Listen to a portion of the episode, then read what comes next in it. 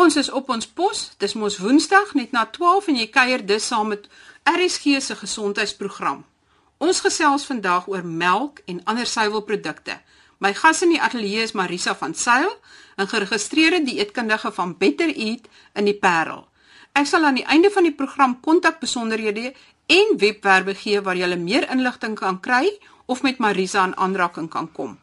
Ons gaan gesels oor hoekom jy suiwelprodukte nodig het hoeveel en van wat, oor osteoporose, oor laktose-intoleransie, oor melk, jogurt, room en kaas en hoe jy kan gewig verloor sonder om suiwelprodukte uit jou eetplan te sny.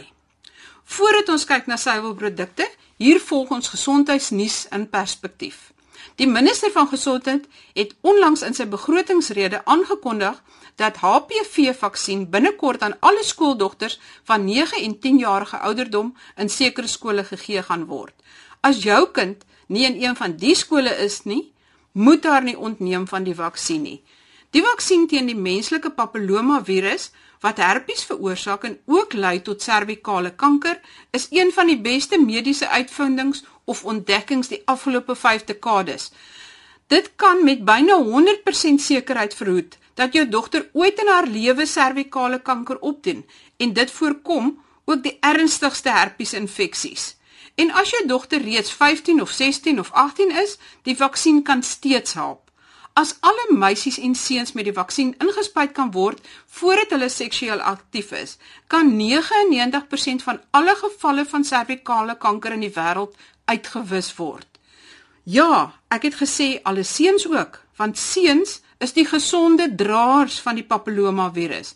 Australië sluit reeds seuns by hulle vaksineringsprogram in. Nou is ons volle aandag by melk en alle ander suiwelprodukte. Eerste plek is wat is suiwelprodukte en wat maak dit anderste as ander uh, groepe? Marisa? Die suiwelgroep is 'n baie um, komplekse groep en en baie divers. As 'n mens byvoorbeeld kyk na melk, dan het jy in 'n melkporsie van ongeveer kom ons sê 250 ml melk gaan jy ongeveer 8 gram proteïene hê, jy gaan ongeveer 12 gram koolhidrate hê en afhangende van of dit vetvrye, laafvet of volmelk is, gaan jy tussen so uh, 1 en 2% vet tot tot by um, 3.3% vet vir volmelk. So jy het 'n baie groot variasie. Nou die volgende ehm um, komponent van die melkgroep is natuurlik uh, suiwel van suiwelgroep is kaas. Kaas omdat dit 'n produk is wat ehm um, gemaak is waar die melk gefermenteer is, het natuurlik dan eintlik meer koolhidrate nie. So jy het 'n baie hoër proteïen komponent en dan afhangende van die soort kaas het jy dan ook 'n bietjie vet of meer vet afhangende van die soort kaas. En dan natuurlik wat ook deel is van die suiwelgroep is dan room wat baie min proteïene in het, baie min koolhidrate en meestal vet. So suiwel, die suiwelgroep is baie divers en dit is eintlik waarom 'n mens dikwels die kaas komponent eintlik half meer by jou proteïene gaan rangskik en die room komponent by jou vet gaan rangskik want hy lyk meer soos daai verskillende voedselgroepe. Wat is in suiwel? Is daar spesiale proteïene wat anders is as in ander produkte?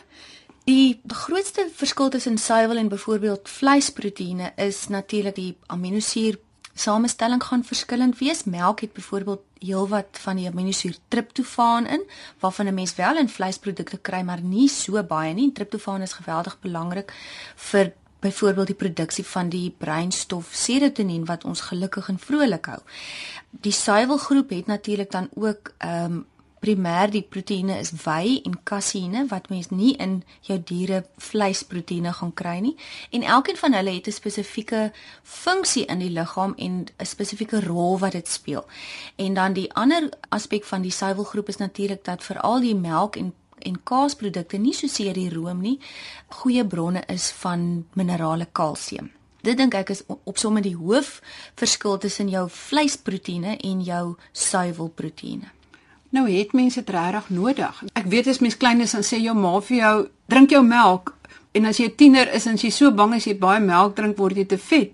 Nou het mense dit regtig nodig. Nie almal het suiwelprodukte nodig. Ek dink as mens byvoorbeeld sensitief is vir suiwelprodukte en daar is definitief 'n groter ehm um, groep mense wat deesdae sensitief is vir suiwelprodukte as gevolg van verskeie redes, dan kan 'n mens veilig suiwel uit jou dieet uitskakel, maar 'n mens moenie sommer maar net moeg getroffe suiwel uit jou dieet uitskakel want dit is 'n veral kinders vir kinders is dit 'n ryk bron van voedingsstowwe wat 'n mens baie mooi versigtig moet vervang wanneer jy dit heeltemal uitskakel. So die mense wat nie wil suiwel gebruik, ek dink daar's baie keer 'n halfe 'n oor versigtigheid om te sê skakel die suiwel uit, maar dit kan baie veilig gedoen word sonder dat jy jou konsentrasie van voedingsstowwe gaan verander as jy slim ander suiwelplaasvervangers kies.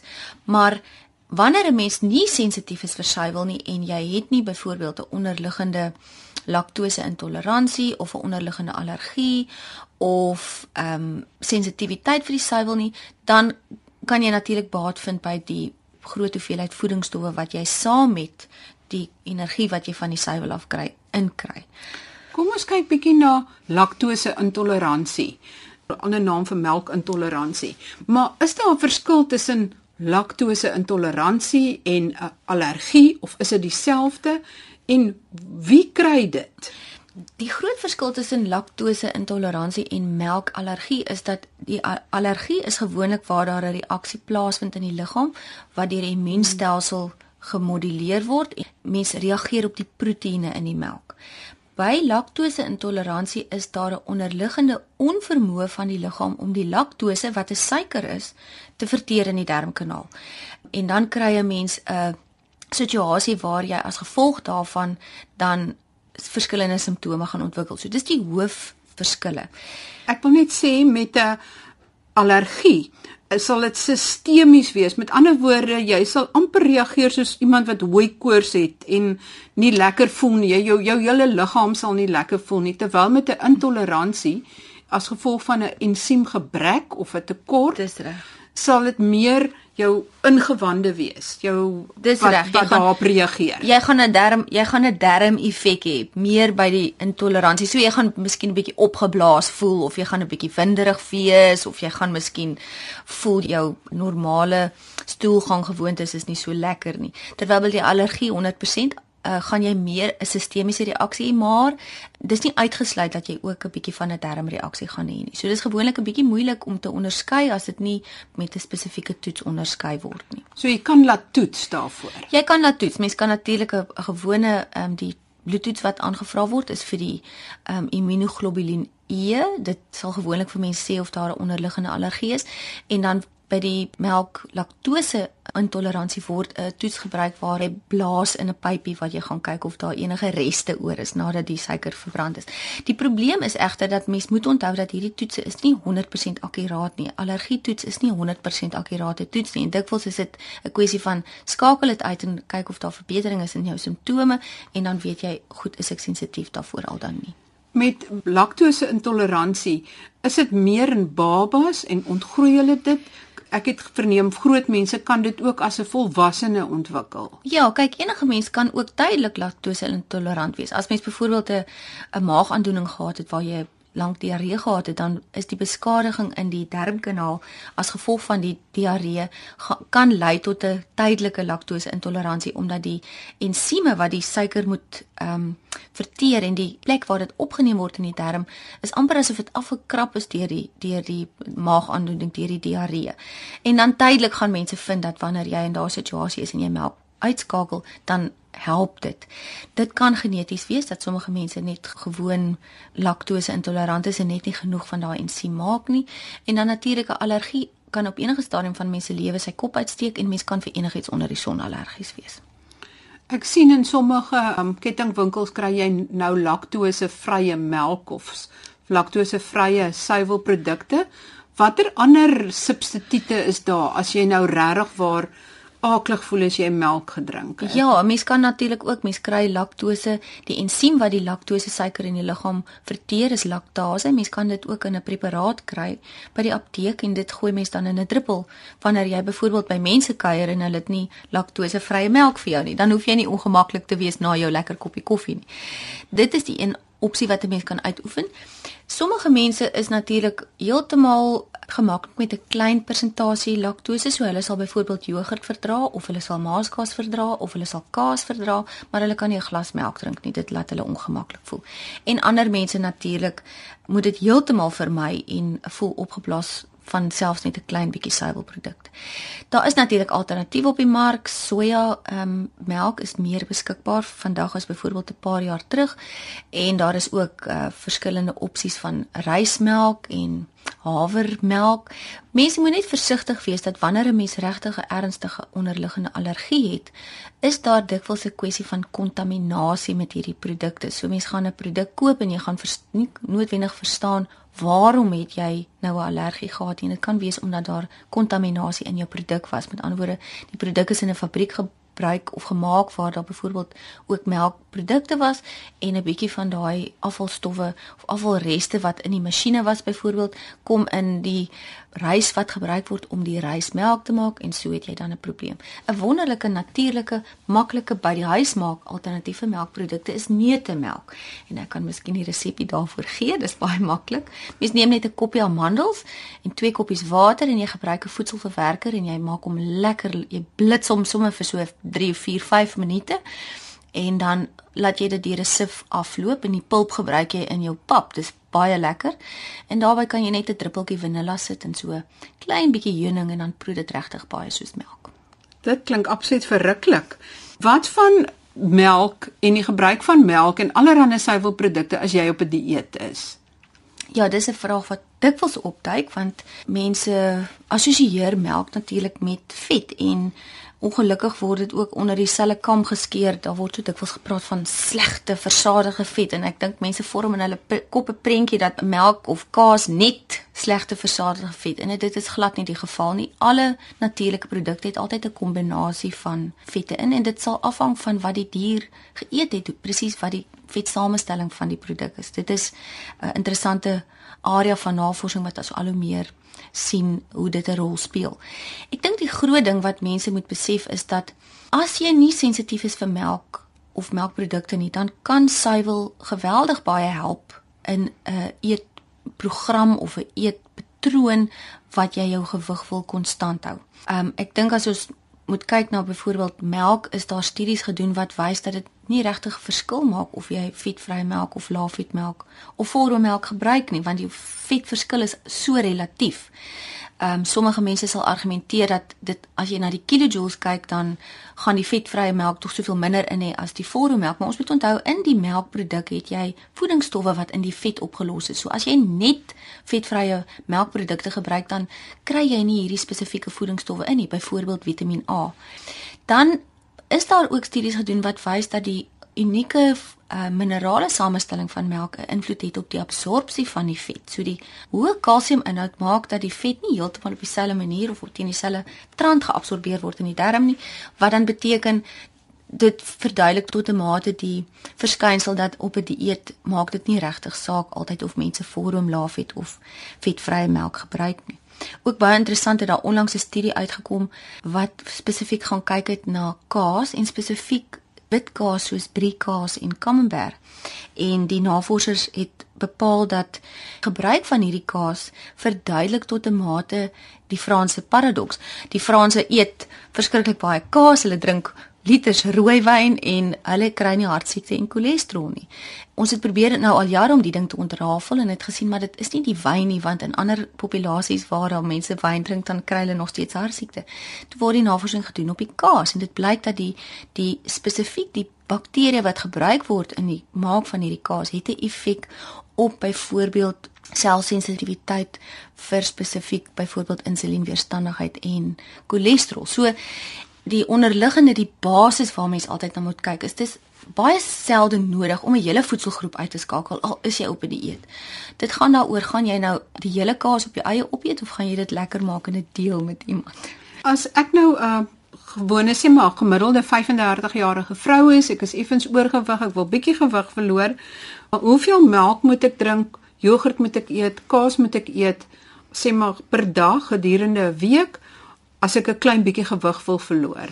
Ek stel altyd vir mense wat gewig wil verloor voor dat hulle liewer meer jogurt gebruik of byvoorbeeld maaskaas of dan nou die die kase, die wit kase soos jy brie in die Camembert, hmm. omdat dit natuurlik minder ehm um, koolhidrate het en daar's ook navorsing wat wys dat uh, melk in sy rou vorm in soos mens melk drink kan in sommige mense insulinemies wees. Met ander woorde, dit het 'n invloed op jou sekresie van jou insulien. So ek stel altyd vir mense voor dat dit is beter om die om meer jogurt te gebruik en die jogurt laat 'n mens ook vol voel om as gevolg van een die gevoel wat dit vir jou in jou mond gee en twee die kombinasie van die voedingsstowwe. Dan het jy natuurlik ook ehm um, spesifiek byvoorbeeld die verhoging in jou kaseïnproteïen wanneer jy kaas of maaskaas of jogurt het wat vir jou ook 'n effek het op jou versadiging. So jy gaan onmiddellik as jy bietjie meer van daai proteïen inkry, gaan jy vir 'n langer tyd versadig wees. 'n Ander ding wat lekker is om te gebruik as 'n mens wil gewig verloor is ricotta kaas. Ricotta is weer 'n uh, hoofsaaklik whey-proteïene en die whey-proteïene het ook 'n invloed op 'n mens versadiging, maar ook 'n invloed op jou energiebalans via die byniere, jou stresstelsel. Doen goed met 'n bietjie whey-proteïene.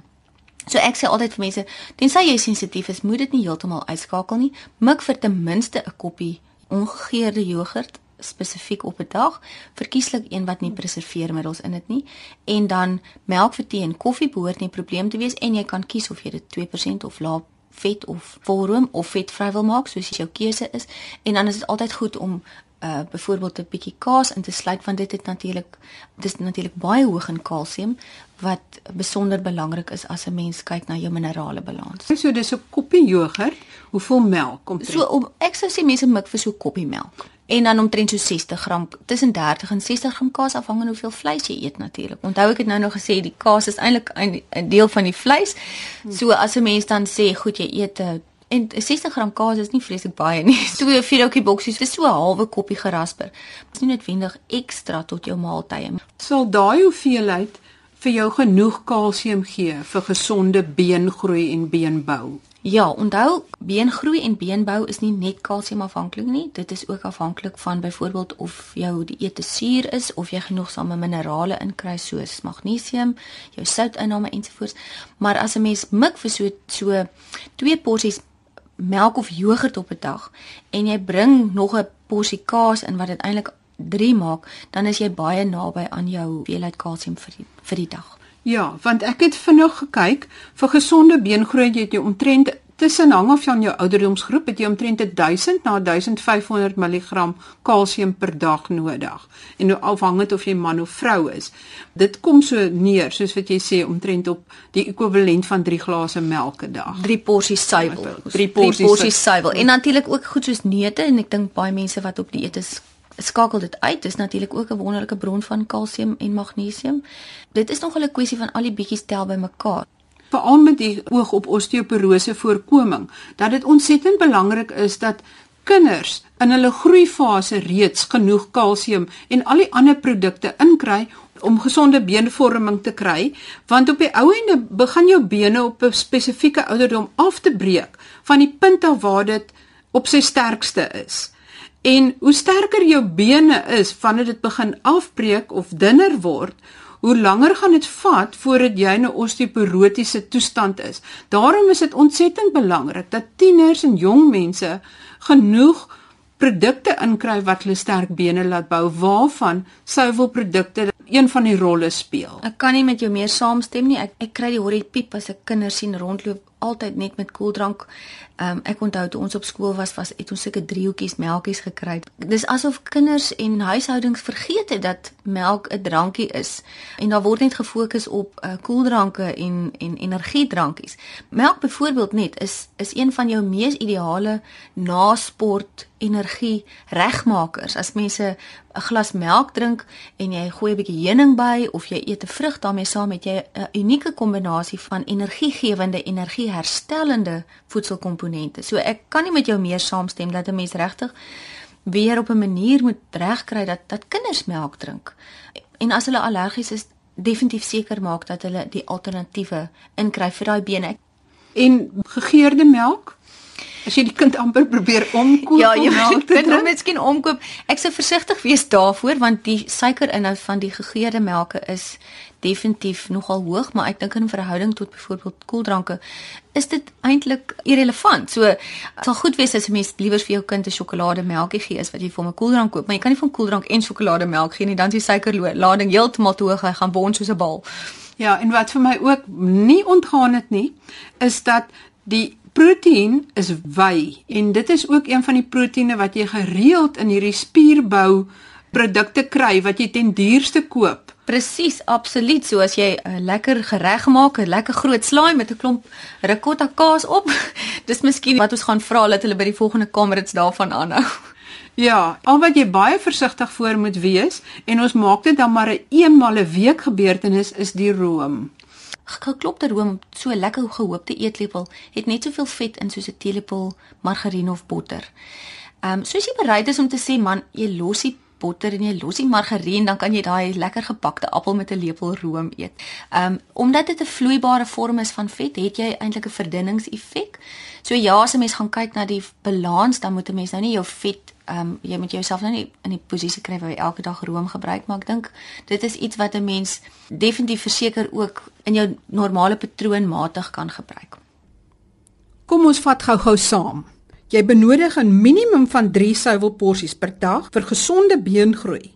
En moenie sommer suiwel uit jou dieet uit weglaat nie. Nie eens as jy wil gewig verloor nie. En as jy werklik laktose intolerant is, soek vir daai substituie wat jy kan gebruik en onthou van die pakkie laktase ensiem wat jy kan koop. Die program is op rsg.co.za as potgooi beskikbaar. Stuur ook vir my 'n e-pos by gesond@rsg.co.za met enige vrae of voorstelle vir programme. Kontak Marisa by www.betereet.co.za. Groete tot volgende week.